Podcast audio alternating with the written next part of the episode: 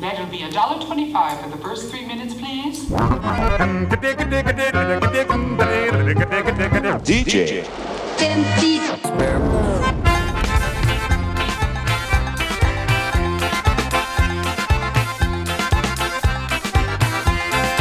Hittade du alla de här på, på samma ställe? Ja. Jag gick till eh, Läkarmissionen i Bro, där jag bor. Ja, ja. Eh, lyxen med om, om man nu liksom får uppdraget liksom gör ett dragspelsurval, att det, det finns ju att ta av. Ju- Nej, men så jag försökte liksom tänka ur lite folkbildarperspektiv, att vad, vilka skivor kan berätta någonting om genren dragspelsmusik. Du har rattat in DJ 50 spänn. Den mest nischade av alla musikpoddar. För här handlar det, som ni alla vet, om 10 kronors vinyl. Jag heter Tommy Jönsson och jag kan utan vibrato på manschetten påstå att det ni hör här, det är så mossigt så att det blir tidlöst. Och det här tidlöst mossiga tillsammans med det rimliga priset. Jag tycker att det finns någonting fint i det. Det känns tryggt. Det pekar mot eviga och okränkbara värden. Någonting att hålla sig i när det stormar i världen.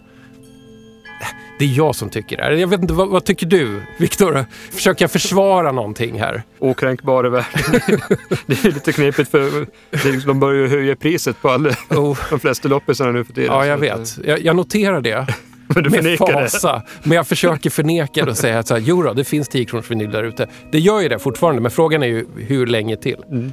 Eh, Men du Viktor, du är lite här för att kanske försvara någonting också. Jag vet inte riktigt. Du har ju kommit hit och brutit dragspelsvallen. Du har en skivpåse full med fem dragspelsskivor. Ja.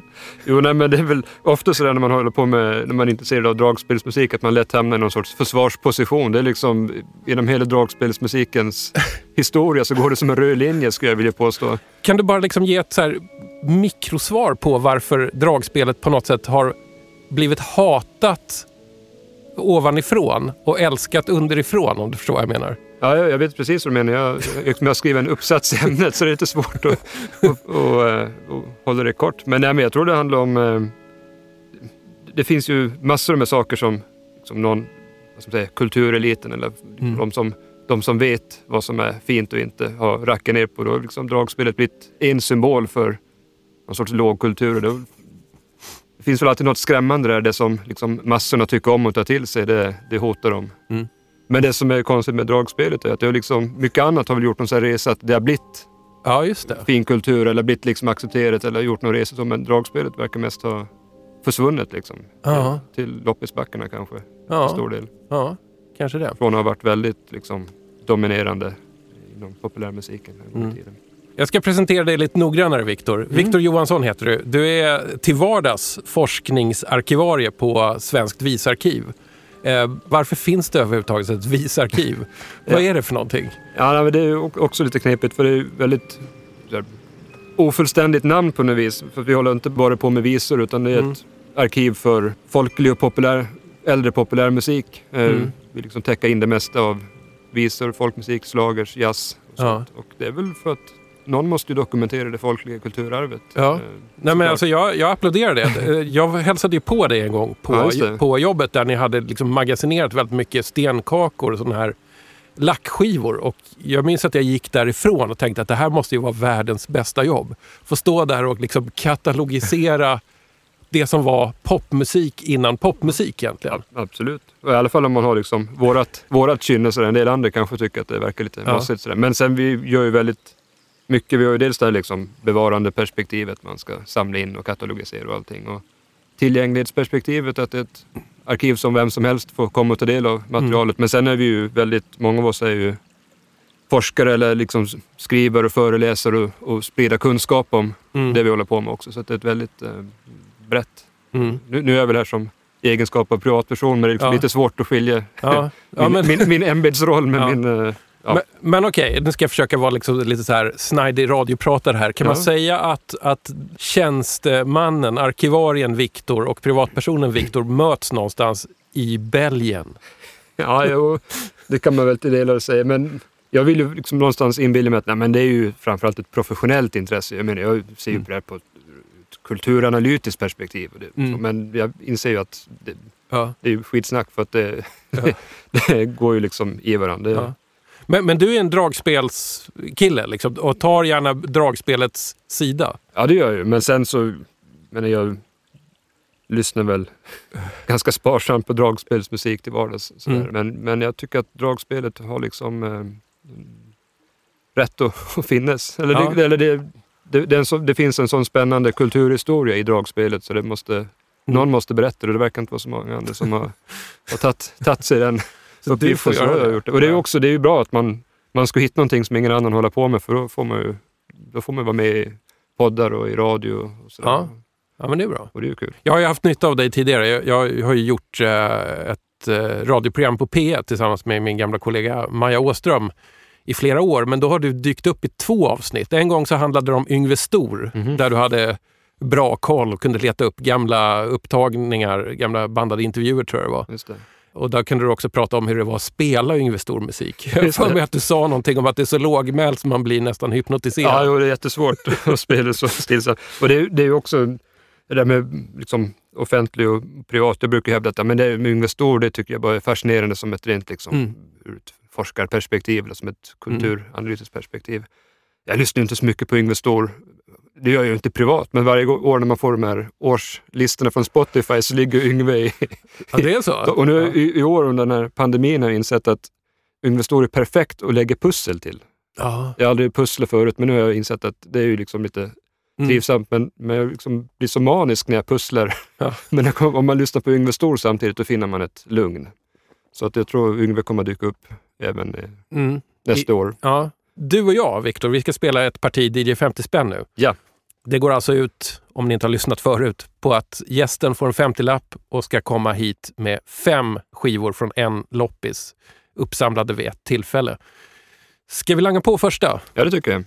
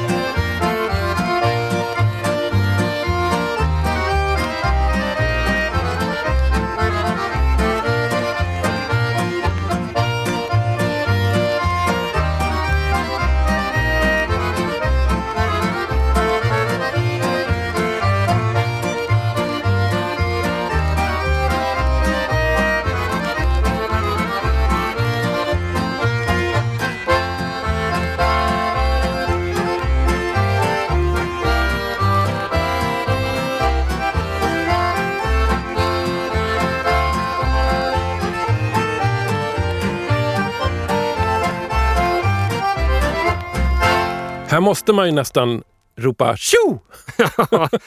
Det är svårt att nästan inte göra det. Nej. Och jag får någon sån här konstig, eh, som i Vietnamfilmer, de får flashbacks till någonting. Jag ser framför mig nygammalt i tv. En väldigt uppfordrande check Bosse Larsson som skriker Kom igen då! Ja. Och så har vi de här som stampar verkligen medan folk dansar runt i Visst. den här studion. Något inbjudet folkdanslag från någon eh, landsort. är. Exakt. Ja. Och det bästa av allt, i, i den här tv-studion så har de smält upp gärdsgårdar runt allting.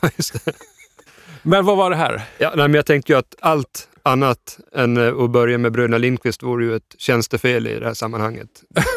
tänker jag. Ja, det här var alltså från, från LPn Rätta draget, utgivet på labeln Roundup 1975. Och låten heter Johanna.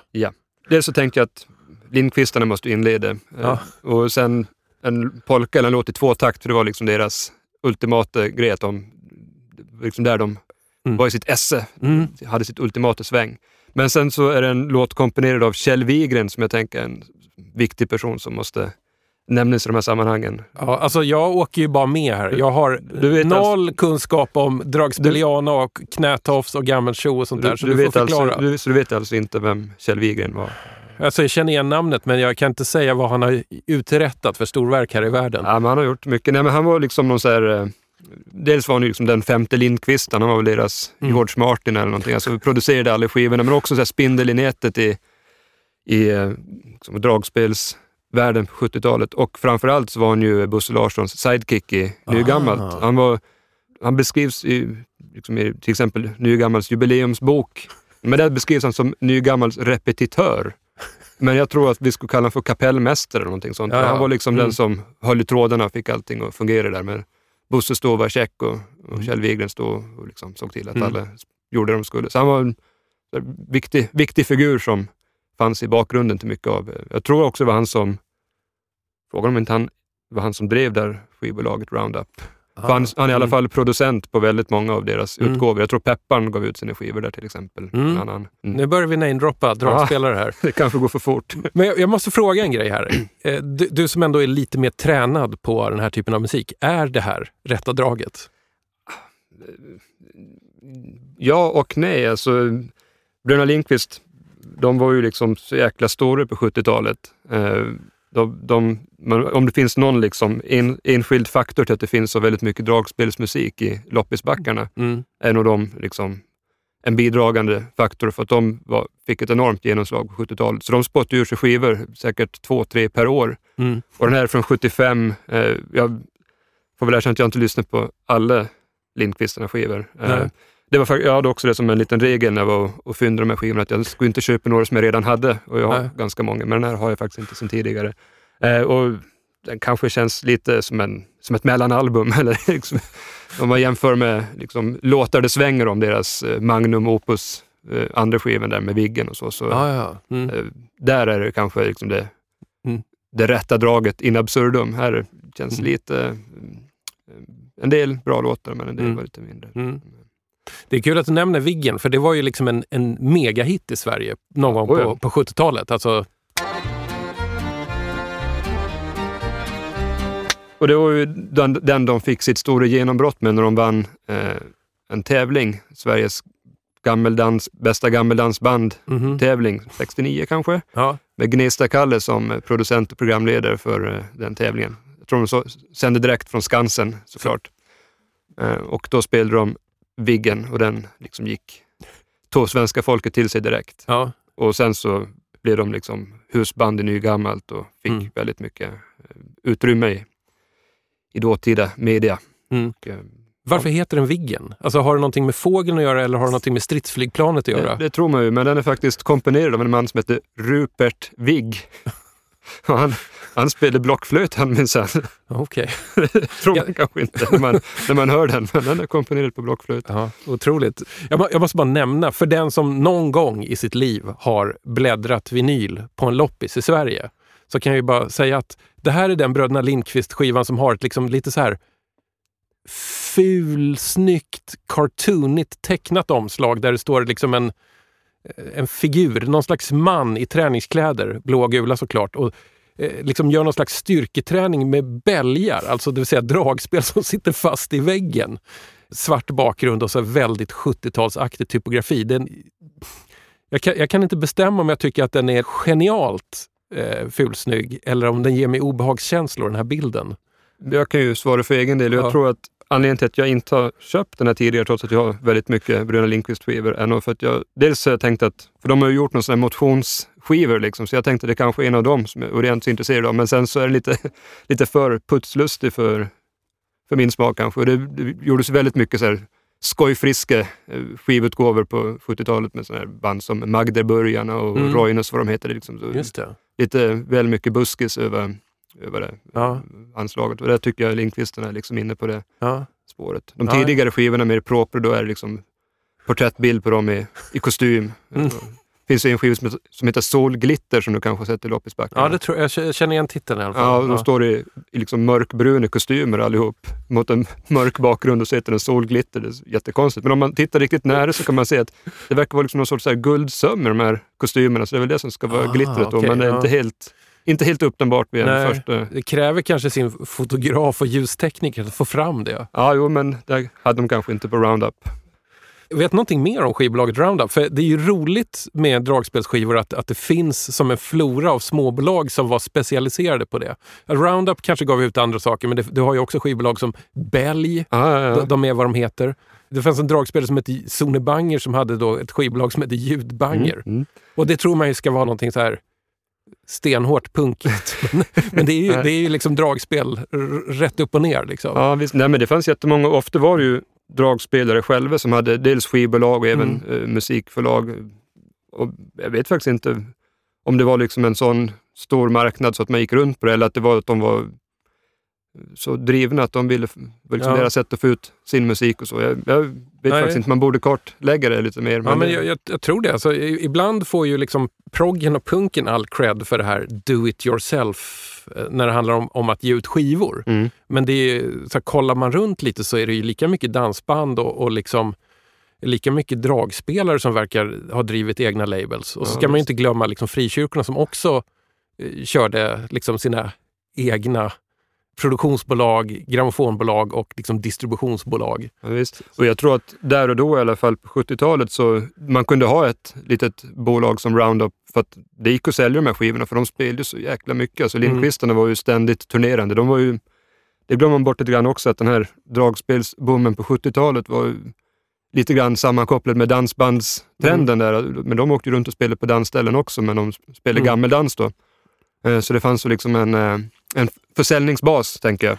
Ja, just det. Och kanske många som, vet man ju själv, man har varit på en bra konsert och tänkt, ah, men fan vad bra det var, jag ska köpa med en skiva hem för, Mm. för det var så bra. Sen lyssnar man aldrig på den för att det är liksom aldrig lika bra när man kommer hem som den konsertupplevelsen man har haft. Och jag tänker att kanske många som har varit och dansat schottis till Lindqvisten och tänkt att jäklar, det här var Ja. rätta draget. Ja. Nu ska jag lyssna på hemma. Så. Ja, jag krämade upp eh, lyssningen här lite. Jag, Mm. fick ändå lite feeling här. Jag tyckte att, jag tyckte Ja. att det, var, det var bra stomp i det Jo här. men det är det. De har, alltså Lindqvisten har ju ändå ett, ett sound, ett eget sväng så som är liksom jäkligt bra får man ändå säga om man, om man är intresserad av dragspelsmusik. Det finns ju mycket taffligare Mm.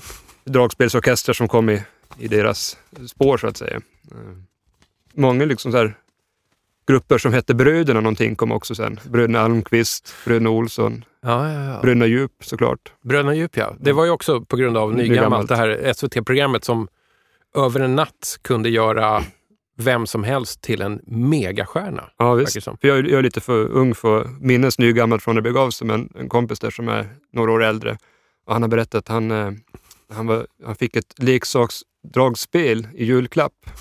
Då, och då, då ska han ha sagt, och jag har fått det liksom bekräftat från hans mamma också, att han sa från och, med nu, från och med nu så heter jag inte Henrik längre, nu heter jag Lindqvistarna.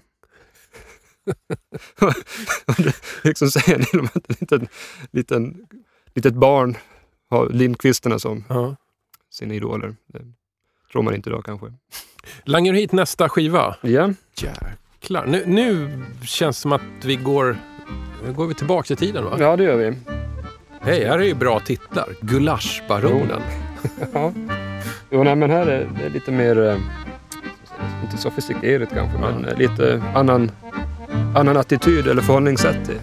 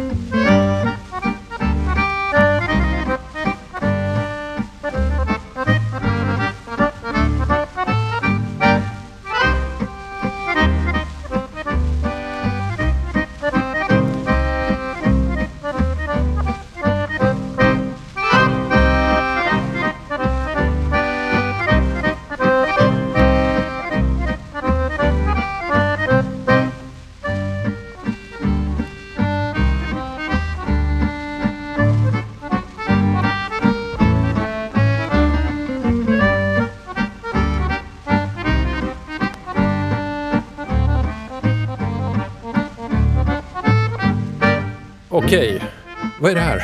Det här var en dragspelare som heter Helmer Nerlund från eh, Värmland. Mhm. Från Forshaga någonstans. Så det är en sån här, jag vet inte så mycket om han men jag, blev, jag liksom känner till att han fanns och hört någon låt så jag blev lite glad när den här skivan dök upp. För att det, det är liksom mer den dragspelsmusik jag gillar, mer 78-varvsepoken. Det är lite ett annat, Ja, just det. annat sound och lite mindre hurtfriskt. Ja. Vi, vi, vi spelade någonting som heter Jan Ersas bröllopshambo. När, du, när jag frågade vad vi skulle köra för låtar så tyckte jag mig höra bröllopssamba. Men riktigt så långt fram i tiden var vi inte. Nej. Vet vi när det ens är inspelat? Ja, 47 kanske? Ja. Ja, 40-tal i alla fall. Ja, Ja. Han var väl liksom en av väldigt många som dragspelare som var verksam under den perioden. Ja. Eh, liksom kanske inte den kändaste, eller, men fanns där någonstans i, i nedre delen av toppskiktet kan man väl säga. Ja, ja. Han Mm. hade, så det är väldigt, på den tiden var det väldigt populärt med dragspelstävlingar. Det var liksom så man fick sin, Men- fick sin rang. Sådär. Och han kom väl liksom tre och fyra ofta i tävlingarna. Så var det Olle Jonny och Kalle Grönstedt och sådana som vann. Ja. Men han var duktig, eller liksom ganska profilerad som låtskrivare. Han gjorde mycket egen, egna valser och sånt där. Som, Mm. eh, Man märker att det är lite finess bakom det han, han har tänkt till. Mycket franska valser. Liksom en, en fransman från Forshaga. Så här, jag, ibland undrar jag så här, hur många, hur många kända dragspelare kan det ha varit ute på vägarna samtidigt i Sverige? Ja, det, För, för att det, verk- det verkar finnas väldigt många. Jag hade aldrig hört talas om Helmer Nerlund till Nej. exempel. Men eh, det bara kommer ju fler namn så fort man vänder på en sten. ja, visst, nej, det, men det var ett tecken på att det var väldigt populärt Ja. med dragspel. Och sen, dels var de ju mm, som solister eller vad soloartister, så, men många var ju också eh, liksom med i olika orkestrar och sånt. I, men en del var ju kanske så här, med i storband och då kunde de alternera att de spelade något blåsinstrument och sen spelade de Mm. dragspel för att det var väldigt populärt med dragspel. Så att Mm. man vill gärna ha något, en dragspelsolist även om i ett liksom swing-storband eller sådär. Ja, ja. Varför blev dragspelen så, så enorm grej i Sverige? Ja, det, jag vet faktiskt inte det. Jag kan bara konstatera att så blev det, men det, det liksom låg väl... Ja, nej, jag vet faktiskt inte. Det har ju varit populärt över hela världen Ja, på det, olika kan, det sätt. kanske har det. Men, men ibland, ibland får man känslan av att det är någonting oerhört, in- inte heligt, men någonting jävligt stort Ja. liksom, i Sverige och har varit det väldigt, varit det väldigt länge. Mm. Vi pratade ju nyss om eh, nygammalt och, och liksom så sent som på 70-talet så kom det ju en dragspelsboom. Exakt, och då var det ju en, en nytändning eller en Ja. revival-rörelse så från, Mm. från liksom att det hade dött ut lite grann eller blivit lite i skymundan under 50-60-talet när det kom Mm. rock'n'roll och sånt som, som stack emellan där. Men, nej, men det var väl... Dels var det ett instrument som tillverkades i, i massomfattning. Alltså det är ett industritillverkat dragspels, eller instrument så att det, det fanns liksom lättillgängligt, var hyggligt billigt och ganska lätt att lära sig spela på. Så det fick liksom stor spridning när det kom och då, det var ju, då snackar vi slutet på 1800-talet kanske.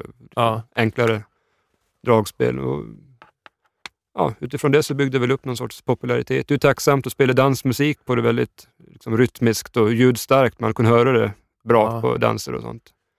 Men sen så kom ju alla de här som var liksom mer virtuosa dragspelare som fick liksom en väldigt stark publik attraktionskraft. Det var populärt med sånt som överlag förr sånt som man kunde liksom briljera med. Det, om man Ja. ser när man ser så folkparksaffischer och sånt från 10, 20, 30-talen, det är alltid väldigt sensationellt. Det liksom, så, någon som kan spela skitsnabbt på ett dragspel, Ja, ja. det Mm. hade ju liksom... Det, det är lite så här Yngwie Malmsten Men det är väl liksom nästan. sådär. lite grann som se på en svärdslukare eller någonting. Man tänker, Ja. "Åh, hur gör de? Ja. Men, men är det viktigt att kunna spela snabbt alltså på dragspel? behöver ju inte vara det, men eh, om man ser alla sådana här liksom, uppvisningsnummer och sånt som liksom ska gälla för lite mer avancerat, då är det ofta väldigt eh, Ja. tekniskt krävande och det ska gå undan. Ja. Alltså, nu, nu har vi spelat två av dina fem skivor. Ja. Eh, och, och det här är skivor som du har dragit upp ur 10 kronors backen och sådär. Jag ska inte avslöja mer vad du har i påsen, men jag kan faktiskt avslöja vad vi inte kommer få höra. För Viktor, i din skivpåse så finns det sjukt nog inte en enda av följande rikskända dragspelshjältar. Roland Cedermark. Nej. Hur är det ens möjligt att du har gått in på en loppis, letat dragspel och inte kommit ut med Roland Cedermark? Eh, nu Nu blir det känsligt. Ja, jag får väl liksom formulera mig diplomatiskt med tanke på att kan ju finnas lyssnare som gillar Roland. Men jag tycker inte att... Eh, jag är inte så förtjust i hans vibrato. Nej. det är mycket Nej. där. Nej, men det är liksom inget som tilltalar mig riktigt. Nej. Jag, alltså, det är ju intressant med Roland Cedermark. Vi, vi har en enormt lång intervju med honom på Visarkivet. För, vi, för ett 20-tal år sedan så hade de någonting som de kallade för Gruppen för svensk dragspelshistoria. Mm. Där en del eh, eh, dragspelsentusiaster, in, jag var inte med där, de känner inte till mig, jag var för ung kanske. Men då, men då gjorde de intervjuer med ett antal dragspelare och det är intressant att höra Roland Cedermark hur han resonerar. Så han är ju en, en, en, en artist eller en konstnär som liksom hade sina ideal och så, så det har jag full respekt för, men det liksom, eh, Mm. tilltalar inte mig Nej, riktigt. men alltså, alla kan ju inte gilla allt, Nej. så det är helt lugnt. Du har ju heller inte tagit med dig uh, Ebbe Jularbo. Nej. Eh, Eh, då- så här, ganska, ganska vanlig. Ja, tänker inte på pappan, Kalle. Nej, men jag, jag hittar, alltså det kan ju dyka upp sådana här samlingar med, med Ja, gamla Kalle här, Men jag hittar ju oftare Ebbe. Jo, men och det tror jag för att han, eh, han fick ju liksom någon sorts eh, roll så här, på 70-talet och var, var sin pappas son. Så där. Och det är lite lustigt för att han var ju egentligen, på, när han hade en, liksom en egen karriär på 30-40-talen, då var han ju jazzdragspelare, liksom, spelade hot jazz, eh, Mhm. svängigt sådär. Och, Mm. eh, Men sen så började han ju spela mer och mer ihop med, med sin pappa och, och fick väl liksom någon sorts uppdrag att förvalta det arvet. Eh, Ja. Men jag har inte lyssnat så mycket på hans... Eh, han, han gjorde ju en del skivor med Pepparn, de har jag ju lyssnat på Precis. såklart. Men, eh, Mm. Men, men om jag ska skärskåda din skivpåse vidare här så har du heller inte med dig Gnesta-Kalle till exempel. Nej, Vad har du egentligen emot Sörmlands stolthet? ingenting. Eh, jag, han är ju en viktig person, kan, kanske inte bara som dragspelare utan som, framförallt som radio, radioperson. Liksom. Att han var ju en sån som gav dragspelsmusiken väldigt mycket utrymme. Han var ju, det var ju liksom framförallt på 50-talet som han var turnerande artist och så, men sen så Mm. blev han mer och mer radioproducent och programledare. Jag, jag har ju faktiskt eh, i tjänsten ordnat och förtecknat hans personarkiv. Eh, Jaså? Ja, Det här är fullt uppdrag. Ja, jag kan avslöja detaljer sen. ja, ja okej. Det- hur har stängt ja. Men, nej, men, så, så det, men ehm, jag fick ju jättemycket så här, av hans handskrivna arrangemang som han skrev själv till orkestern. Och så. här. Då märkte man att de, de kände varandra väl. Liksom. Han hade ju sitt band. Det var Giovanni Iaconelli på klarinett och det var eh, Erik Öst på fiol. Och så, här. så ibland så har han bara dratt ett streck och skrev att spela vad fan du vill. Jag fortsätter här och liksom racka ner på din skivpåse. Du har ju knasigt nog inte mer än någon enda skiva med Pepparn heller. Alltså Pepparn, Västmanlands egen Mm. dragspels gammeltjo Jimi Hendrix med slokhatt och egen koja i skogen. Är inte det här lite grann av nästan tjänstefel? Mm, Ja, men det var faktiskt, jag var i valet och kvalet där, men eftersom jag tänkte att jag skulle köpa skivor som jag inte redan hade och jag har ju alla Pepparns skivor, i, ofta i fler än ett exemplar. Eh, nej, Pepparn är ju, är ju liksom, det är ju skitbra, det är inget snack om det. Eh, så, och han är ju tacksam att prata om också, för det Mm. var ju ett väldigt speciellt Mm. levnadsöde. Han levde ju verkligen. Det är kort men intensivt kan man säga. Nej, så det, det är en helt annan attityd än väldigt många andra. Liksom ingen teknisk ekvilibrist utan snarare liksom en... eh, Kör på feeling. Ja, jag kan... Jag är ju liksom, spelar ju lite dragspel hjälpligt själv och jag kan identifiera mig ganska mycket med Peppar för jag, jag kör ju mer på råös än, än liksom finess. Så det, Ja. Jag ska sluta racka ner på din skivpåse här. Jag är väldigt glad att du, att, att du har med de skivorna du har. Och det roliga för mig är att det är fler namn här som kommer förvandla mig till en fågelholk målad med ett frågetecken ungefär. För jag, jag har noll ingång på dem. Men lite tråkigt. Tänk om du hade haft en Sune Banger eller Hans Madders. Smaddas. Hans Mutas. Hans Mutas. Ja. Ja. Nu, nu har jag dragit alla dragspelarnamn jag kan i princip, förutom den evige Kalle Jularbo. Ja, just. Ja, jag hade, hade det funnits någon uh, Jularbo i, i backarna så hade jag ju garanterat köpt det, för han är ju en klass för sig. Det är ju en favorit i alla fall. Men nu kommer en fråga här, för jag, jag är inte så, eh, om jag ska vara helt ärlig här, jag är inte så inlyssnad på dragspelsmusik så att jag förstår vad jag lyssnar på. nej. Jag kan inte riktigt avgöra vad som är bra dragspel och vad som är dåligt dragspel, Nej. om det inte är alldeles uppenbart. Vad ska man lyssna efter? Nej, men det beror ju på vad, vad det är för typ av dragspelsmusik såklart. Men Mm. nej, det är svårt att förklara. Men alltså, en sån som Kalle Jularbo har ju ett helt eget liksom ett sväng och en, Mm. ett sätt att spela som känns betydligt liksom mer robust än en del andra kan ju vara väldigt liksom, ganska trista, eh, Mm. ganska slätstrukna sådär. Och också, men många tycker ju att det är så glatt och käckt och så, men jag tycker när jag lyssnar på Jularbo så är det inte riktigt det jag hör, även fast det är låtar som går i dur, så är det liksom en annan attityd till musiken jämfört med kanske mycket det här liksom 70-tals Kimmo-showet och Mm. nygammalt-biten. sådär. Det, och det är ju liksom, ofta är det samma låtar, men, Ja. men det är ju liksom någonting i, i förhållningssättet till hur man spelar dem som... Eh, jag tycker när man hör liksom Julabos så känns det betydligt mer... Eh, jag vet inte vad man ska jämföra det med, liksom mer som mer genuint på något vis. Ja. Jag får fortsätta lyssna helt enkelt. Men du, eh, ska vi ta nästa skiva och liksom åka in en bit närmare vår tid? Mm, Jag ser att du har någon ganska fager man här. Ja, det står ju faktiskt här till och med att eh, om vi frånser kvinnlig publiks förtjusta kommentarer kring utseendet och håller oss till musiken så blir det bland annat en utmärkt teknik, rytmisk balans och pregnans. Ooh. En stor portion god uppfattning. Ja. Ja. det är stora ord här. Vi får se om det, om det levereras på dem också. Ja.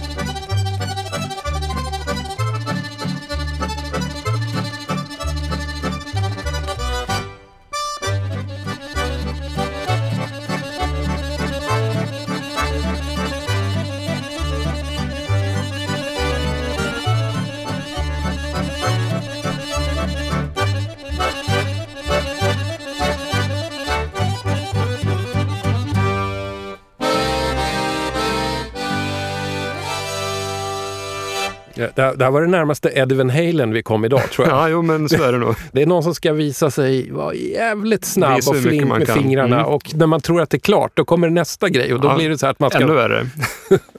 Ja, eh, Lars Ek, Mm. eh, Karneval i Venedig eller Carnival in Venice. Eh, det heter tydligen här i melodin. Nytt för mig. Jag trodde den het, hette Min hatten har tre kanter. Mm. Det, det heter den ju också. Ja. Men du, alltså, det här är en skiva från 1981. Den är utgiven på egen label. Mm. Eh, eh, Lasses egen tror jag, som heter... Alltså, Katalognumret är EK LP, men jag tror att skivbolaget heter Musik och underhållningsskrädderiet AB. ja. eh, vad går igenom ditt huvud när du, när du hör sånt här? Eh, ja, men det är lite blandade känslor. Jag, jag köpte den här för att dels har jag aldrig hört Lars Ek, men jag har liksom sett namnet väldigt Ja. ofta som så här, i dragspelskretsar, att han omskrivs som en, ja, en riktig stjärna liksom. Som Ja. kan spela de här svåra styckena, så jag tänkte jag måste ju lyssna på honom någon gång då. Ja, jag, jag kan ju citera skivomslaget här. Det står så här. Lars Ek snackar inte. Han spelar. Ja, jo men det kan man väl skriva under på när man hör det här. Äh, men sen så tänker jag också att vi måste ha med några av de här eh, eh, liksom dragspelsmästarna. Det, Mm. den här, här spelar han ju liksom stycken av Pietro Frosini som var en sån här italiensk dragspelare som emigrerade till USA och var verksam där och som skrev var liksom en av de som eh, på något vis utvecklade dragspelets möj- tekniska möjligheter, skrev väldigt avancerad tekniskt krävande musik för dragspelet som inspirerade väldigt många dragspelare, framförallt i, i Sverige. Från Mhm. Många som var i hans efterföljd. Och den här liksom mer ekvilibristiska musiken har liksom varit ett sätt att försöka, i alla fall från dragspelare själva, och, och, och höja statusen för instrumentet. För liksom när, när Ah. kritikerna har sagt att ah, men det är bara sån här simpel dansmusik med bara tre ackord, har de sagt nej men hör på Fris, Fr- Frosini, han spelar så avancerade stycken. Ja. Det, det här är seriös musik och, det, och ofta har liksom Frosinis verk här, liksom ganska pompösa titlar. Det är Opus det och det och det. Mm. och, Mm. Men då, de här liksom, kritikerna som inte gillar dragspel, de tycker att det här är... Det kanske är ännu värre då? Ja, men det här är ju liksom inte fint nog. Det är musikalisk hötorgskonst, en typ av formuleringar jag har sett i, i, i elaka kåserier Ja. och hätska debattartiklar om hur, hur lågt Ah. dragspelet är. Ja, det, är liksom det, det här kan aldrig liksom öppna öronen för någon som helst god kultur, utan det är bara en Mm. återvändsgränd. Och så. Så det, är en, det tycker jag är en fascinerande liksom, motsättning, eller att, att de som spelar och tycker om den här musiken själva, de har liksom en uppfattning om att det, här är ju, det här är ju avancerat och seriöst, men det, liksom, det når inte fram. Det Nej. är inte gott nog. Nej. Men då var det ju bra att du spelade det här, för här hör man ju det. För hur han spelar låter ju lite grann som man tänker sig en så klassisk pianist som är mitt inne i det, så här klättrande upp och ner på skalor och det är väldigt snabba små... s- s- äh, Väl, det går väldigt snabbt på, på, på det där sättet som man tänker så här riktigt så här intensivt klassiskt pianoklink som har statusen. Ja, visst. Men den här Så kanske aldrig riktigt fick den statusen. Nej, för den spelades på dragspel och det var ett, liksom ett för simpelt, eller liksom den, den, den låga massans, Ja. eh, kulturellt lågt stående massans instrument. Och sådär. Jag, jag känner det nu, att jag, jag börjar, börjar ta dragspelets parti här. Ja, men det är, man gör ju det när liksom. man, eh, Mm. när man liksom har gått igenom några årgångar av liksom, ackordionjournalen och läst om alla debatter som var Mm. och hur, hur liksom angripet det var. Då. Svårt att inte liksom känna för dragspelet då såklart. Mm. Jag, jag, jag försökte hitta någonting att läsa om Lars Ek. Det, det här är en ny bekantskap för mig, men då hittade jag nå- en artikel i Länstidningen Östersund kanske. Tio år sedan ungefär, 2009. Då sa han att han skulle dra sig tillbaks. Ja, I alla fall för ett tag. För han hade fått en förslitningsskada i axeln och där fick mig att tänka, är det det som är skadan man får som dragspelare? ja, du visst. spelar ju lite, var, var gör det ont så att säga? Jo, nej, man spelar är mycket dragspel. diskbrock och sånt vet jag att många så här, yrkesdragspelare lidit av. Att det, det är slitsamt för rygg och axlar. Och Ja, jag tänker, för det, alltså vad väger det? Alltså det, det, det, är lite- ganska tungt och framförallt de här liksom, proffsdragspelarna, de har ju stora eh, instrument. Så, och, så det, nej, det, det vet man att de äldre dragspelare de brukar ju ofta med sig en pall när de ska ut och lira för att de behöver Mm, luta sig tillbaka lite grann eller sitta ner. ja, ja, mm. jag, ser ju framför mig här just Roland Cedermark som vi nämnde för en stund sedan här, liksom hans signatur på sig att han liksom har dragit ut hela bälgen i en elegant båge på något sätt och då ser det ut som att han jag vet inte om han hade väldigt långa armar, men ibland ser det ut som att, den, att, den, att han når ända ner till golvet där. Och då tänker jag så det där måste vara en riktig ryggmördare. Ja, men han var ju också, han hade ju liksom ett förflutet som eh, jämtländsk rockkung, så han hade väl liksom känsla för det här med, med liksom tuffa poser helt enkelt. Mm. Eh, liksom det får ju kroppen tåla helt enkelt. Ja. Man får ju offra sig lite grann också. Ja, visst. Apropå Cedermark, Mm. Hörde vi det här darret här? Det här vibratot? Ja, fast det är lite en annan teknik. Mm. Mm. Bälgskak kallar de det för. Det, jag vet inte hur man gör det riktigt, men det är väldigt liksom, svårt. Så det är vanligt i Frosinis Ja. ja. verk. Sådär. Jag tror Cedermark hade en liten annan, annat sätt att vibrera på. Nu undrar jag lite grann, hur kommer det sig att du började intressera dig för dragspel överhuvudtaget? Ja, det har jag också frågat mig många gånger. För du är ju inte riktigt rätt generation om vi ska liksom segmentera och dela upp och fördomsprofilera. Nej, nej, men dels så... jag hörde dragspel i min, i min uppväxt. Min morfar spelade dragspel lite så här till husbehov. Mm. Och, och, och, eh, så jag liksom hade någon sorts grund där jag gillade de låtarna. Och han var ju, det var ju liksom hans, han var född på 10-talet, det var liksom hans generations musik. Det var det de hade växt upp med, på, Mm. hört på dansbanor och sånt. Och sen när de blev lite äldre och blev liksom medelsvenssons, då kom nygammalt och, och så, så den musiken följde ju med. Och jag vet även eh, min, jag ärvde liksom skivor efter min farmor så var det ju bara dragspel. Det var Bruna Lindqvist och sånt. Så det, där finns liksom någon sorts grund till att jag insåg att det finns väldigt mycket musik eh, som är dragspelsmusik. Och sen så Ja, dels så började jag väl lyssna på de där skivorna lite grann som man gör liksom, när man hittar något som man tycker är lite töntigt. Så att det blir som ett skämt. Ja. Men sen slut vet man liksom inte när, när skämtet övergått Nej. i allvar. Man, Exakt. eh, Det, det, det är väldigt suddigt när det där händer. Att Ja. Förr eller senare så, så torskar man ju på det. Man inser att det här är ju, det är ju bra. Det är Mm. liksom inget att, att skämta om. Men sen så, och sen att jag liksom har fått det här mer eh, eh, yrkesmässiga intresset för det. Det var nog ganska mycket när jag började eh, liksom plugga musiketnologi och sånt på universitetet och insåg att om den här musiken finns ju fan ingenting skrivet om. Väldigt lite. Det finns liksom som, som liksom någon sorts antites till folkmusik, att det har liksom varit Dragspelet har inte riktigt räknats in i spelmansmusiken och varit liksom anklagat Nej. därifrån för att ta död på. Men, men det finns väldigt lite liksom i, som liksom beforska dragspelsmusikens egen kulturhistoria eller som en egen genre i sin egen Mm. rätt. Och det kände jag att men, här måste ju någon göra någonting åt. Mm. Så det har väl varit en, en drivkraft. Sen så, det är ju så när man fördjupar sig i någonting så hittar man alltid mer. Sen jag tycker inte att jag tycker inte all dragspelsmusik är, nödvändigtvis är bra. Nej. Eller jag tycker inte att all musik är bra bara för att det är ett dragspel med det. Jag tycker ju kanske inte att allt det jag tagit med idag är, är liksom det jag lyssnar på hemma heller. Men nu tänkte jag liksom, vi har en lite Ja. folkbildande Ja, men det är bra. ingång till det hela. Du, du är på rätt plats. Alltså jag, jag gör det här och säger att det här ska handla om 10 kronors vinyl. Det betyder inte att jag älskar alla skivor som kostar 10 kronor. Nej. Men däremot så tycker jag det är intressant att det finns så mycket musik som har åkt ut ur sina hem. Antingen Ja, ur, ur dödsbon eller att folk har bara rensat och ledsnat på den här skiten. Och så står det där i åratal för 10 kronor. Och väldigt mycket av det här är så uppenbart att ingen vill ha det längre. Och då blir jag nyfiken. Varför vill ingen ha det här? Vad är det för någonting Ja, som de dels, inte vill ha? dels varför vill de inte ha det, men också varför har någon vilja haft det från första början? Eller Det är också var- varför intressant. finns det? Mm. det ofta liksom, då blir det väl att man upptäcker ganska mycket kring Ja. musiken också. Det är ju lite, lite populär musiketnologi på något vis. Ja, ja men precis. Var befinner sig dragspelet idag i Sverige? Liksom, hur, hur ser statusen ut egentligen? Ja, men jag tror det finns två, eh, liksom två eh, läger, eller två...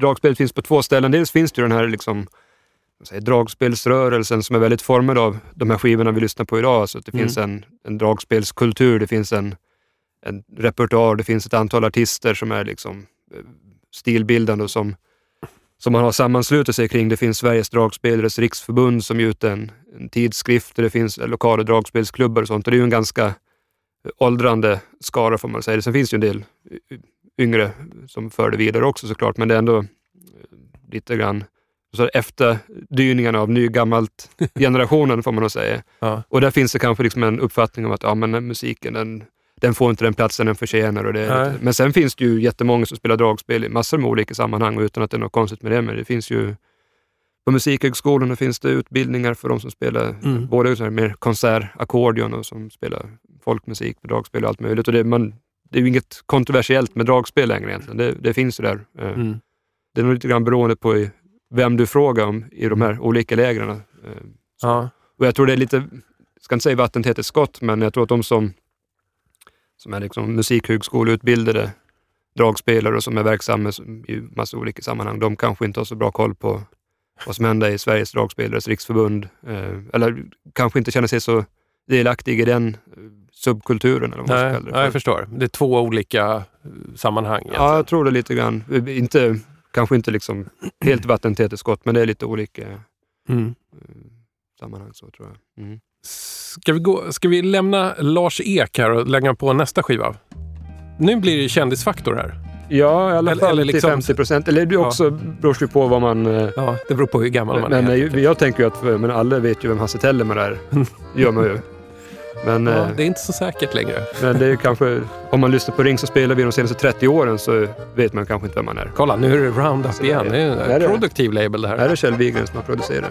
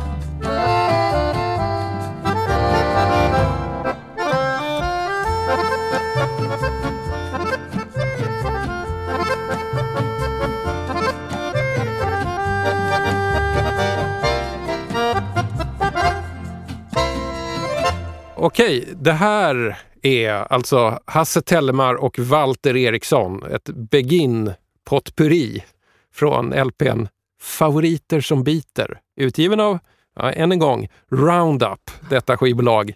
1980, producerad av Kjell Wigren. Vi har liksom, här har vi klämt in nästan allt vi har snackat om. Ja visst, ständigt en eh, Kjell Wigren. Hasse Tellemar, Mm. för, för de flesta egentligen känd som Mr Ring så spelar vi. Han var alltså programledare för det här lördagsprogrammet i Sveriges Radio i decennier tror jag. 30 år. Hur var han som dragspelare? Jo, men han var duktig. Jag, jag har inte lyssnat så mycket på han eh, som dragspelare. Faktiskt. Det var lite grann därför jag köpte den här skivan också. För jag tänkte, kommer Mm. väl passa på att göra det Ja. någon gång.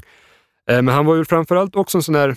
Han var ju duktig dragspelare, men han var liksom framförallt mer eh, sån här... Eh, som fanns lite runt omkring sådär. Han, han var ju basist också. Ah, han inledde mm. sin karriär som basist i Tore Erlings orkester. Mm. Och arrangör, skrev Mm. arrangemang och sånt. Så, och sen så fick han ju tidigt anställning på, på Sveriges Radio, så han var ju liksom framförallt verksam som producent och Mm. programledare och sånt som, med lite så spindel i nätet-figur som Ja, ja. gjo- gjorde att, det, att dragspelen att det fick liksom utrymme i, i Mm. media vid den här tiden.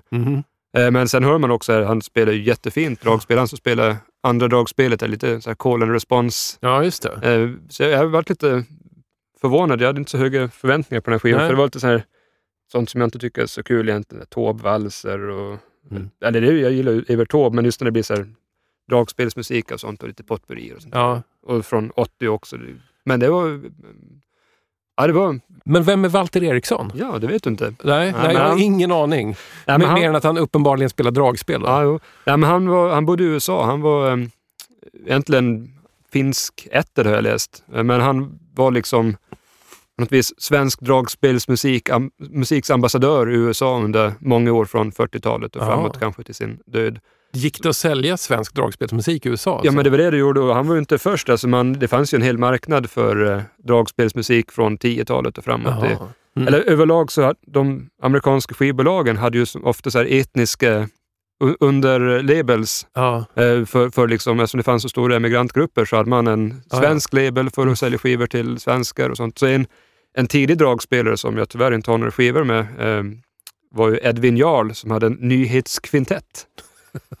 nästa, nästa jul så får du ju lyssna på hans eh, julpotpurrier han spelade in med dragspel och Hawaii-gitarr. Skitbra. Ja, ja. Och det här var alltså något som hände i USA? Det hände i USA. Ja, och han var, Edvin Jarl var utvandrad svensk. Så. Och sen var det många svenska dragspelare som kunde åka över och liksom turnera i flera år. I, Ja, ja. man man kan liksom se på, på affischer, det står där just hemkommen från en sju års lång turné i Amerika. Inga vikningar som var på turné på den tiden. Eh, så en sån en dragspelare som Anders Granlund från Besna i Dalarna, någonstans i, var det ligger, i Malungtrakten kanske. Han, han åkte till USA på 10-talet och kom hem med, med ett fränare artistnamn. Han hette Andre Wrussel. Ja. Och, och sen blev han alltid presenterad som svensk-amerikan, men han hade liksom varit där i fyra, fem år kanske. Ja, ja. Det var liksom hans, jag läste hans dagböcker som han skrev när han kom hem, så turnédagböcker. Mm. Då slänger han sig ofta med så amerikanska glosor och sånt, så det är liksom väldigt, eh, Mm. han, han, han tog liksom med sig någonting hem. Han levde Ja. upp till den här imagen som eh, Ja, ja. svensk-amerikan. Men, men på den tiden så var väl det absolut häftigaste man kunde tänka sig någon som hade varit i USA? Ja, och som spelade kom- dragspel ja, ja, visst. ja, två, Ja. två coolhetsfaktorer där som är svåra att överträffa. Ja, nej, men så det, det fanns i alla fall liksom någon sorts eh, sammanhang för Walter Eriksson att verka i, i Mm. USA. Och, och sen fanns det ju liksom en amerikansk dragspelsmusik också med de här Mm. Eh, Peter Frusini som jag nämnde tidigare. Han, han var ju verksam i USA och en Mm. annan namnet till han Pietro Deiro som var samtida som också skrev sån här eh, avancerad uppvisningsmusik. Så han var väldigt liksom, med i den, den världen också. Men sen skrev han, han, han skrev krönikor i tidningarna Ackordionjournalen och senare Dragspelsnytt. Han, Amerikabrev från Walter Eriksson. Det var liksom hans stående. Så han, hade någon, han var liksom USA-korrespondent i svensk dragspelspress. Fantastiskt. Och sen, bild, Fantastiskt. och sen hade han någon så här Scandinavian Accordion Club i New York som sen har förts vidare av hans dotter Chan, Mhm. Chan Widman Eriksson. Mm. Men som jag har förstått har bytt namn till Smörgåsbandet. Otroligt. Ja. Ja, men, och, och så han har liksom någon, både en dotter och ett barnbarn vad jag förstår som liksom för traditionen vidare, Ja, som lägger ut jättemycket vi, videos på Youtube. Med, Mm. Så vill man liksom lyssna på Walter Eriksson så kan man göra det in absurdum. Mhm. Eh, Och tycker man om lite så här dåligt upplysta Youtube-videos med lite överstyrt ljud så är det ännu Mm. bättre för det finns det gott om. Men han, Det, alltså, ja, men han, sen var han var väl också en sån som var liksom, såg till att många svenska dragspelare fick göra turnéer i USA. Han var liksom någon sorts kontaktperson där. Och vice Mm. versa så var han ofta över och spelade i Sverige. mm. Ofta med ny gammalt och sådär. Ja, ja. Mm. Och han spelade ihop med Hasse Tellemar och även Andre Walter som är en dragspelare som inte har Ja. nämnt, som ju är väldigt viktig egentligen. Ja. Men som inte fanns i skivbacken. Eh, Men det är ju, de hade ju alltid så här dubbelnamn, dragspelarna. Det är också, Hur, hur hur menar du? ja men som artistnamn, Andre Walter, Lasse Benny, Ja, Erik Frank. ja, ja. ja. Alltså, det- det- förnamn efter förnamn, så att Ja. säga. Det finns hur många som helst. Innan vi sågs nu så försökte jag tänka efter när, när jag överhuvudtaget liksom konsumerar musik med dragspel. Mm. Och då eh, slog det mig att det är ganska sällan jag lägger på de här svenska dragspelplattorna. Men däremot så har jag en del utländsk musik där jag kan uppskatta eh, dragspelsinslaget. Till exempel så för några år sedan så hade jag en så intensiv Zydeco och Cajun-period. Mm. Och det finns ju lustigt nog väldigt mycket sånt Mm. att hitta i Sverige. Och där har du ju ibland ett väldigt så primitivt dragspelssound, tycker jag i alla Ja, fall. verkligen. Som känns som att det är från nästan 1800-talet. Att det känns som att det är någon lite småfull människa som står och vevar på ett sånt här litet liksom, Ja, eh, Durspel.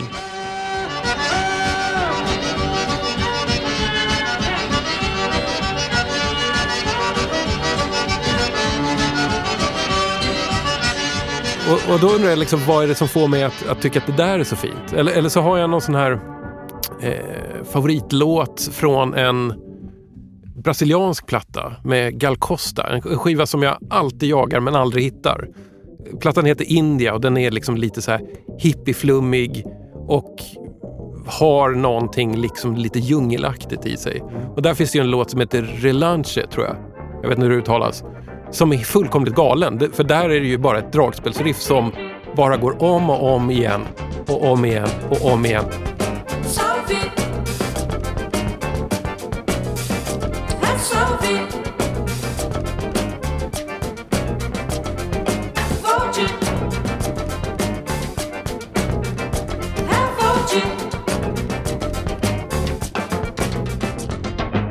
Tills man så sitter, eller står typ naken och skriker.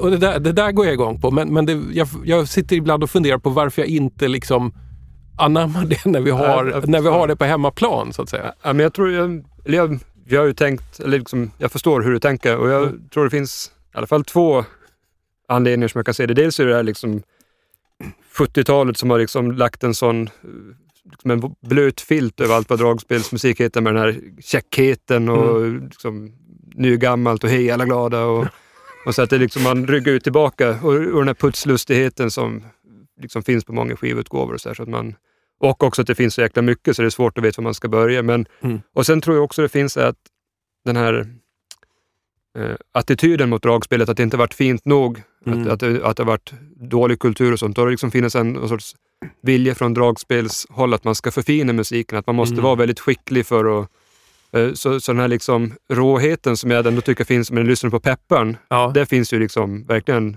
Mm. cajun-attityd på något vis. Det är också där liksom, Ja, ja, han har och- gjort en Ja, Zydeco-platta. det har han gjort också. Eh, nej, och även Jularbo, om man lyssnar på, verkligen liksom, lyssnar på vad han gör så finns det ju en, en råhet på ett annat sätt, tycker jag, i hans Ja. liksom, sätt att spela och sådär. Mm. Finns- Jag tror, liksom, gick man på en, en, låg, eller liksom en dans i Folkets park på 30-talet och hörde liksom, på liksom, den lokala dansorkestern så låter det kanske lite mer ruffigt. Ja. Jag, jag tycker det finns där eh, Mm. under ytan och man måste liksom upptäcka och höra det. Men sen också just det där med, apropå eh, att det ska vara, man ska vara väldigt skicklig och teknisk och sådär, så har jag just läst den här tidningen Dragspelsnytt recenserar Clifton Chenier, ja, just det. Mm. som En- en- en- Zydeco-mästaren, Verkligen. dragspelets Little Richard kan man väl säga lätt. Och, och de såg han fullständigt, för han kan, de tycker inte att han kan spela det liksom vad är det här? Det, är liksom låter, det låter dåligt och Ja. han har ingen teknik. Och så, då, tänker, då har man verkligen inte fattat någonting. Eller då är liksom, då är det två världar som möts uppenbarligen. Så att, Mm. eh, det hade ju inte varit något kul att lyssna på Clifton Chenier om han hade var liksom fin, slipad, polerad dragspelare som hade perfekt teknik. Det hade liksom varit helt poänglöst. Nej, men där är man ju ute efter liksom partykänsla. Ja, ja, det, det är inte svårare än så. Nej. Apropå Zydeco, jag ska lämna det ämnet snart, men jag fick det förklarat för mig någon gång att en av anledningarna till att det är så vanligt i svenska loppisbackar med just den här eh, Louisiana-musiken som annars är lite apart i Sverige. Mm. Det har ju också att göra med nygammalt. Det var ju de som bokade in Ja. eh, Queen Ida and Ja. her Zydeco Band Ja, ja, såklart. visst. Och, Och då- det smälte typ in då. Kanske i samma program då som först är det Lindqvistarna, och sen är det Queen Ida och sen är det Nej. Pelle Karlsson. Men annars finns det ju, men så här, amerikansk folkmusik eller folklig musik har ju väldigt stark förankring i Sverige. Det finns ju en väldigt Mm. stor country-scen, bluegrass-scen och Mm. rockabilly-scen och allting. Men det är ju inte så jäkla många som spelar cajun och zydeco i det här landet. Det finns ju, men Mm. Det är kanske för att det är lite svårt, för det räcker inte bara att kunna sjunga på amerikanska. Man måste kunna lite franska och kreolska och man måste Ja, kunna ha ett väldigt distet dragspel. Och, exakt. Man ska kunna brotta ner en alligator också. ja, det också. tror jag. Se där vad Hasse Tellmar och Walter Eriksson kan få oss att prata om. Du, alltså, jag tror att du har en, en skiva kvar att bjuda på. Jajamän. Kan det Och- vara så att du har sparat det allra bästa till sist? Så kan det vara. Och apropå liksom råhet och sväng och bus och sånt.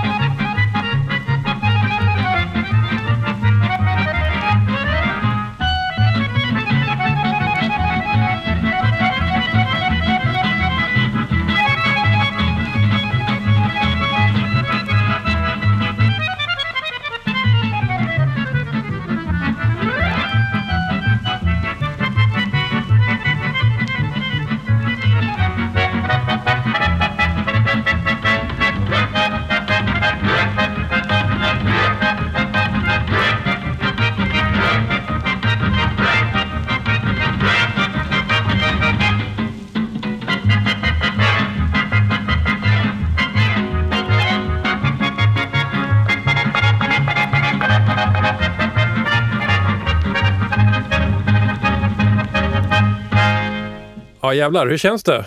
jo, nej, men det blir alltid lite... Jag har ju hört den här ganska många gånger, men man blir Ja. alltid lite omtumlad ändå. Det är liksom, de sparar inte på krutet. Det är, Nej, det är liksom bra så, drag alltså. så mycket rådjur Ja. som man kan få in på 78 varv på, det var per ju minut. absolut häftigast hittills. Ja, jo, men det, jag tänkte liksom att... Ut med en smäll. ingen, inget ont om uh, Hasse Tellemar och Walter Eriksson, men jag tänkte att det liksom ändå skulle bli lite uh, tamt Ja. efter. Jag förstår det. Bättre ja. med Mm. ett beg-in potpourri som upptakt till, till det här. Ja. Men du, eh, jazz på dragspel. Mm. Är, är det en bra idé? När man spelar så här i alla fall. Ja. Eh, det här var ju Nisse Lind då, som vi hörde, Nisse Linds Hot Trio. Och han var väl liksom svensk dragspelsjazz-pionjär eh, Mm. och hade en jäkla känsla för liksom hot jazz som man kallar för det. Liksom någon sorts dragspelets Django Reinhardt. Mm. Eh, så när man spelar så här är det ju helt... Men det här hade ju en, en attack, så att säga, som var, som var liksom nästan manisk. Ja, och det, det, det gillar man ju. Och det är ju också roligt att tänka på att den här, som vi lyssnade på nu, The Tiger Rag, den är inspelad 1939 enligt omslaget, Mm. är ju bra mycket vildare än det som kom på det sen lite lurviga 70-talet till exempel. Ja, ja, verkligen. Och det är ju med den här Lars Ek-skivan, han spelar ju Nisse Lind-låtar där också. Det, Mhm. och, och han är ju jätteduktig på att spela liksom den typen Mm. av... Men det blir ju inte liksom med samma attack eller liksom Nej. samma råe. Så, så, Men nej, Ja. svårt att veta vad det beror på. Men det, jag, en, en grej kan ju vara att eh, Nisse Lind och han, han, han kallas för Bagaren, var hans smeknamn. Och han spelade tillsammans med gitarristen här, Birger Larsson, som kallas för Gäddan. och så var det eh, Henry Lundin på bas då, Basludde. Ja. Men, men eh, Bagaren och Gäddan, de, Det de, är så fantastiska de- smeknamn. de var ju tidigt medlemmar i det som heter Svenska Paramountorkestern som var ju liksom en tidig stilbildande jazzorkester i Sverige. Och de var eh, husband på eh, Amerikalinjen. Eh, Så de, Ah. så de åkte ju regelbundet fram och tillbaka till USA, så de fick Mm. väl kanske med sig lite musikaliska impulser den vägen. Ja, och, då, fattar. Ja. och, då, och då var Nisse Lind pianist egentligen. Mm. Men han underhöll med lite dragspelsmusik i, i Mm. pauserna där. Men, men i alla fall, de fick väl en känsla för liksom hur jazz skulle Ja. låta och liksom den moderna tidens sväng helt Mm. enkelt. Alltså, han var ju, gjorde enormt mycket på kort tid, Nisse Lind. Han dog ju redan 40 eller 41, Jaha. 37 år gammal Ja. tror jag. Och då var han ju, dels hade han sin egen orkester och sen var han liksom studiomusiker och han var, gjorde mycket radiojobb, satt i orkesterna där.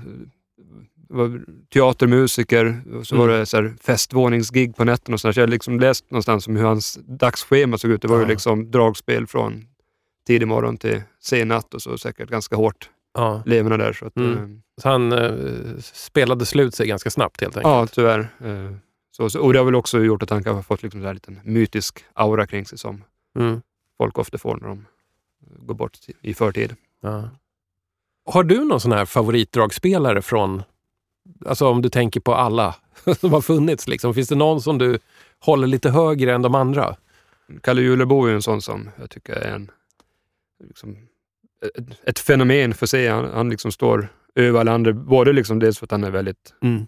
duktig, bra dragspelare, men också han liksom en enormt lång fascinerande karriär. Han började liksom som femåring och spelade till dans och höll på in på 60-talet. Så han täcker verkligen upp en hel Mm. epok från liksom 1800-talet och bondesamhälle fram till... Ja, just det. Industri. Hela liksom resan egentligen. Ja, från, från det utfattiga, eh, det här bondesverige som, där, där alla bara ville dra iväg Ja, från visst. till rekordåren. Och det som är intressant är också att han eh, i sin tidigare karriär så spelar han, spelar han ganska modern musik. Han spelar ju eh, dansmusik, valser och schottis och hambo och sånt där. Men även han spelar ju in ragtimes och Mhm. liksom Mm. foxtrots, modern, det som var modern dansmusik och mer sån här mer tekniskt krävande musik. Men när han blev äldre då hävdade han att han alltid bara spelade kulturell gammal dansmusik och liksom blev någon sorts talesperson för liksom Ja, gammeldansmusiken. Och att det, så, så att han, när, när samhället blev modernt då blev han gammal. ja, ja jag förstår. Ja. Men sen han ju också, han var ju liksom, han körde ju liksom snygga bilar. Ja, men jag, jag har sett, eh, sett några foton någon gång på så Ja, här, alltid. Jularbos Cadillac. Ja, liksom. visst, Och så är det och- ett riktigt vrålåk. Och så liksom skräddarsydda snygga kostymer och så. Så han var liksom sån liksom fullfjädrad artist eh, på något vis. Och, ja, han, han står väl över de flesta tycker jag. Eh, Nu har vi gått igenom dina fem eh, plattor här. Hur kändes det att liksom spränga dragspelsvallen i DJ 50 spänn? jo, nej, men jag kan väl känna att om någon skulle göra det så är det väl jag. Ja, ja men det gjorde Eh, du med den äran. Eh, sen är det synd att ingen annan har ens liksom inte har vågat eller vilja. Nej. Eh, Den som har kommit närmast är ju en eh, tr- trogen lyssnare, en skivhoarder från Moliden som hade med sig då en eh, Alf Robertson-platta i och för sig, men där det då fanns ett spår med Roland Cedermark. Och den låten är en hyllningslåt till Roland Mm. som heter just Roland. och är en sve- försvenskning av George on my mind. Så det, Jätteroligt. det finns lite feeling i den tycker jag ändå. Eh, Jo, nej, men jag, jag kanske ska ge Roland en ny chans. Det, också det, det, det bjuder mig emot lite grann så man ska ha den här lite von oben-attityden mot Mm. Roland. Nej, det är så, Ja. det, då blir jag ju som de som jag kritiserar själv. Ja. Men, men sen, å Mm. andra sidan, man, man tycker ju om viss musik och annan tycker man inte om. Eh, Och Mm. Det går ju inte att göra så mycket åt. Fast det, är, det kan bli med Roland Cedermark som allt annat. Om man bara lyssnar maniskt mycket så kommer man hävda att det är väldigt bra efter ett tag. Ja. Vet, vet du vad, det, det finns en sån sista grej som jag brukar avsluta med. Det är att du kommer utsättas för en James Last-platta. Ah, Men idag blir det lite annorlunda för jag råkade igår fiska upp en skiva med hans brorsa, Kai Warner. Eller Werner Last som han heter. Jag tror att det är James Lasts storebrorsa möjligtvis. Och anledningen till att jag köpte den här var ju att den avslutas då med Soul Makossa med ett tyskt storband. mhm. Jag har inte lyssnat på den. Ja, det ju en överraskning för oss bägge. Hur, kände, hur kändes det att sitta och Ja, förespråka dr- mer dragspel åt folket här? Jo, nej, men det är ju hur kul som helst. Klart. Kul att sitta och prata överhuvudtaget. Det, man får ju inte så mycket mänsklig kontakt efter det. Nej, det är just det.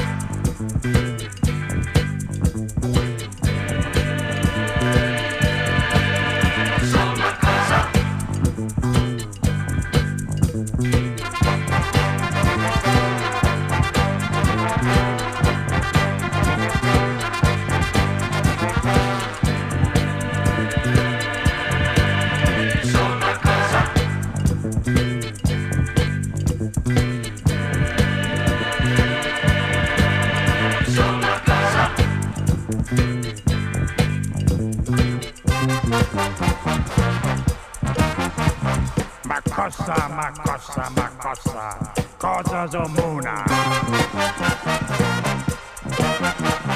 Tanga, Tanga, Umbuza, Tanga, Nisa, Macossa.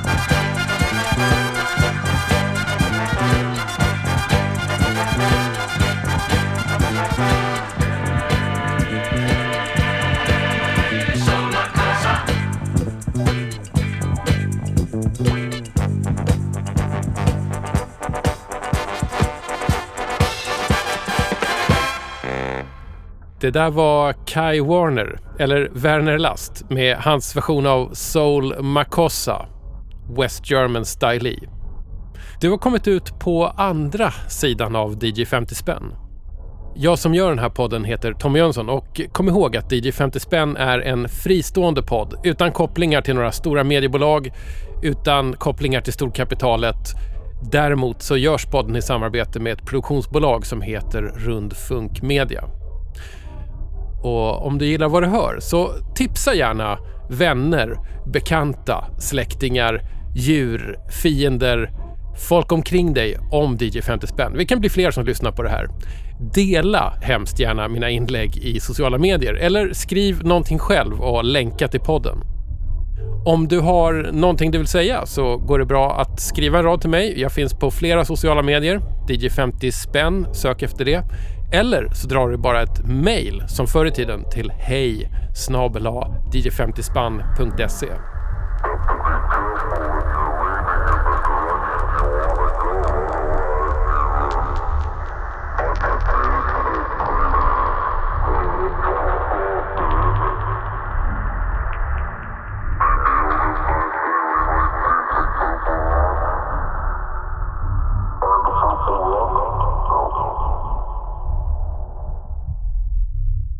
Rulla runt och ligg på mage och börja med ryggböjning bakåt och klapp i luften. Och klapp, ligg ner. Och klapp, ligg ner. Och klapp, ligg ner.